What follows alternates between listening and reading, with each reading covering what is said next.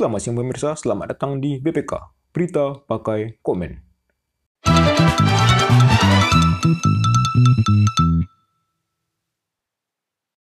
Berita kali ini datang dari kompas.com. KPK tetapkan Bupati Kuansing, Andi Putra tersangka suap perpanjang izin HGU sawit. ah, Bupati gua nih. Aduh, apa kabar nih Kuansing? Baru juga menjabat lu. Ah, mana umur masih muda lagi 34. Aduh. Kayaknya uh, masih riskan ya kalau anak kalau umur-umur segitu dikasih jabatan kayak dalam dalam dalam iman, dalam imajinasi gue nih kayak uh waktuku masih panjang aku masih muda ambisiku masih besar ambil makan semua ambil kesempatan setiap kesempatan yang ada di mana ada kesempatan di situ saya cari uang Komisi Pemberantasan Korupsi menetapkan Bupati Kuantan Singingi Andi Putra sebagai tersangka pada Selasa 19 Oktober 2021. Andi ditetapkan sebagai tersangka kasus dugaan suap terkait perpanjang izin hak guna usaha atau HGU sawit di Kabupaten Kuantan Singingi, Provinsi Riau. Ya,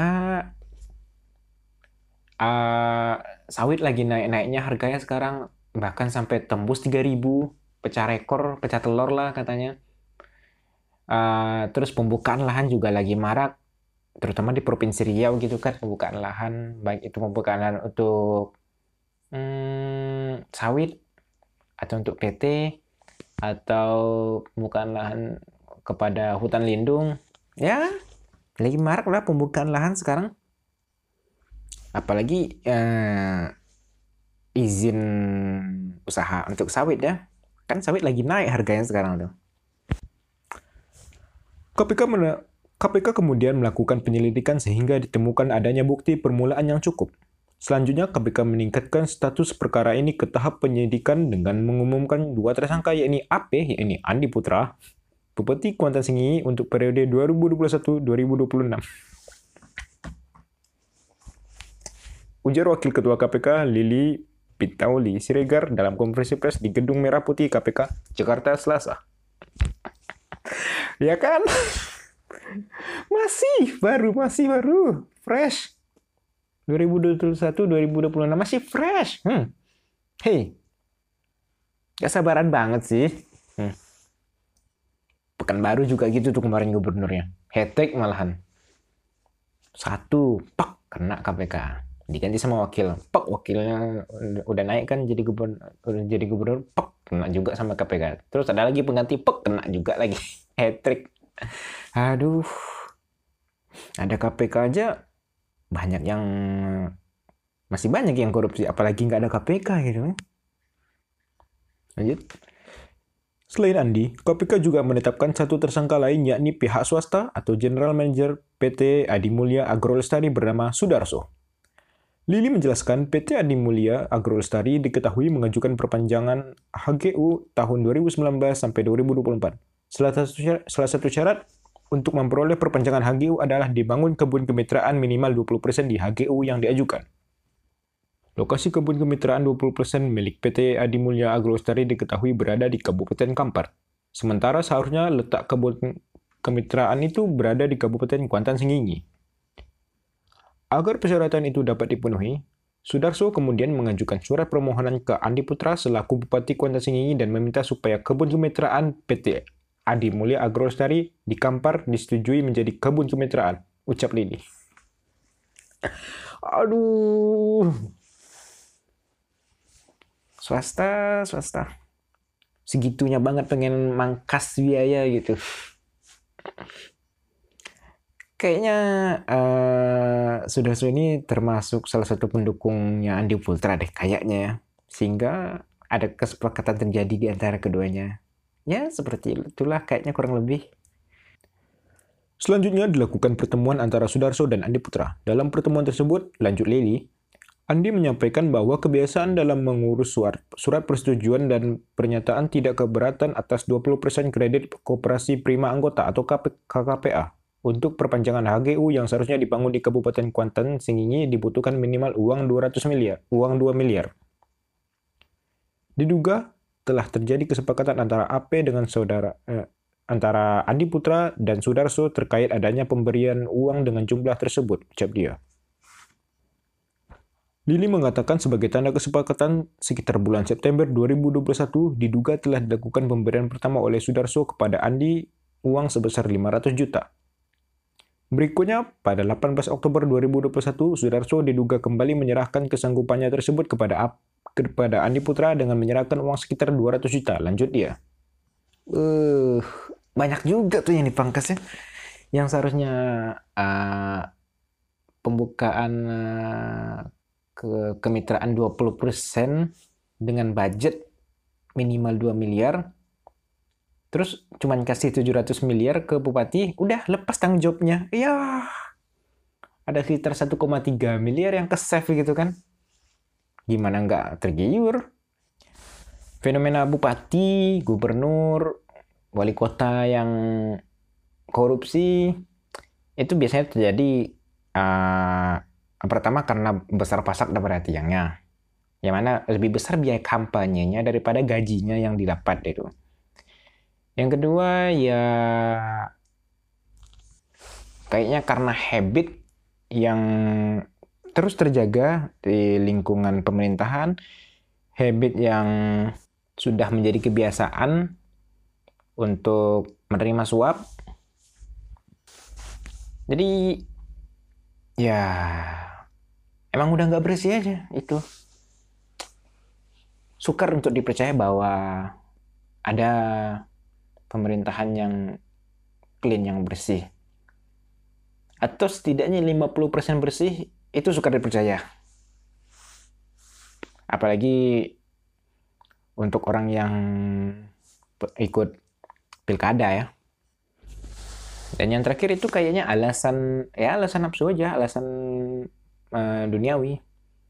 Alasan manusia yang nggak pernah puas untuk akan hal apa pun gitu selagi ada kesempatan ambil aja lagi gitu ya ngapain ditahan-tahan ini rekening masih bisa kok diisi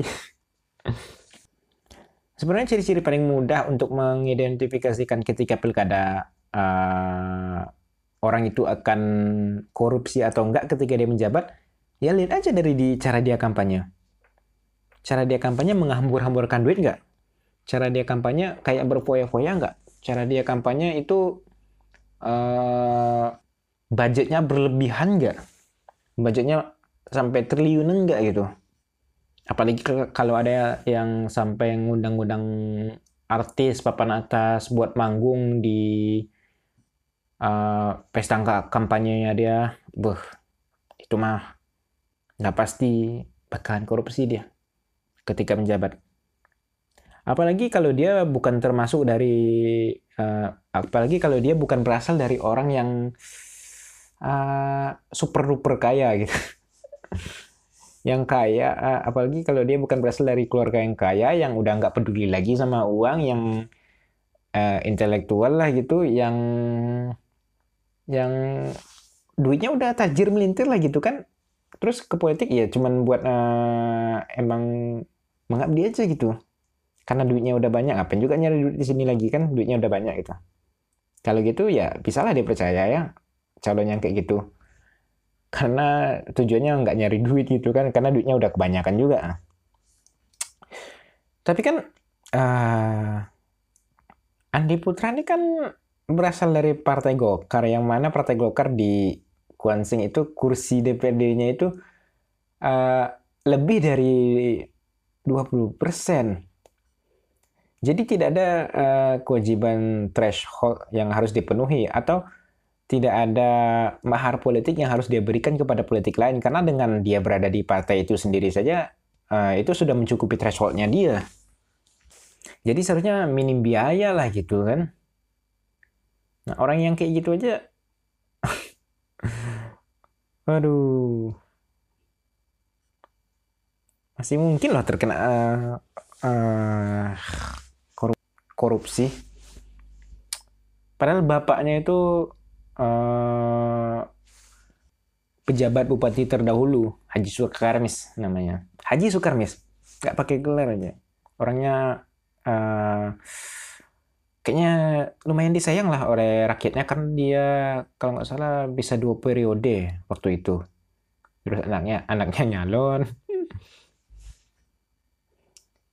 ya paling tidak sekarang saya tahu bahwa ada dua orang yang ketika kampanye ketika di baliho ketika di spanduk itu memasang itu memasang foto orang tuanya yaitu Andi Putra dan juga Puan Maharani ah. Biasanya itu kan biasanya itu kan orang-orang pemilu pasang foto tokoh, pasang foto ketua partainya. Tapi dua orang ini berbakti loh. Masang foto orang tuanya. Dia dan orang tuanya. nah deh, pokoknya kalau milih itu yang bener lah. Jangan milih karena kampanyenya heboh. Jangan milih karena dia bagi-bagi sembako pilihlah karena dia emang mau bekerja. Ya udah itu aja. Pilihlah karena dia emang mau mengabdi. Ini pilih orang karena pencitraannya bagus. Apaan itu? Hitler juga pencitraannya bagus makanya dia bisa jadi kanselir Jerman. Makanya dia bisa jadi pimpinan Nazi. Pencitraannya bagus sama rakyatnya makanya makanya dia bisa terpilih. Ya pemilu loh itu dan kalau bisa ya kalau ketika memilih itu, ketika pemilih itu milih orang yang berdasarkan uh, program kerjanya. Pilihlah berdasarkan apa yang ingin dia lakukan. Pilihlah berdasarkan apa yang ingin dia majukan. Pilihlah berdasarkan misi apa yang ingin dia bawa ketika dia menjadi pemimpin. Karena kalau kita milih orangnya, orangnya itu bisa berubah orangnya itu bisa berubah. Sedangkan programnya itu tetap sama. Jadi masih bisa kita tagih. Sedangkan kalau kita milih orangnya, orangnya itu bisa berubah. Sebaik apa pun orang itu kita kenal, sebagus apa pun orang itu kita kenal, sepintar apa pun orang itu kita kenal ketika dia ma masuk, ketika dia nyemplung ke politik, ketika dia terlibat di dalam pemerintahan, dalam lingkaran politik, udah Hilangkan semua kepercayaan itu. Pilih secara objektif, jangan subjektif. Ya, tapi terkadang ketika kita pusing untuk memilih, ya penting juga sih untuk memilih secara subjektif ketika kita pusing untuk memilih. ya intinya kalau ada ketika calon bupati, calon gubernur, atau calon wali kota, kampanyenya menggunakan biaya yang fantastis, udah jangan pilih aja. Karena kemungkinan besar orang itu akan korupsi ketika dia menjabat. Ngembaliin uang yang udah keluar tadi kan. uh, udah deh, terima kasih buat yang udah dengerin. Ciao.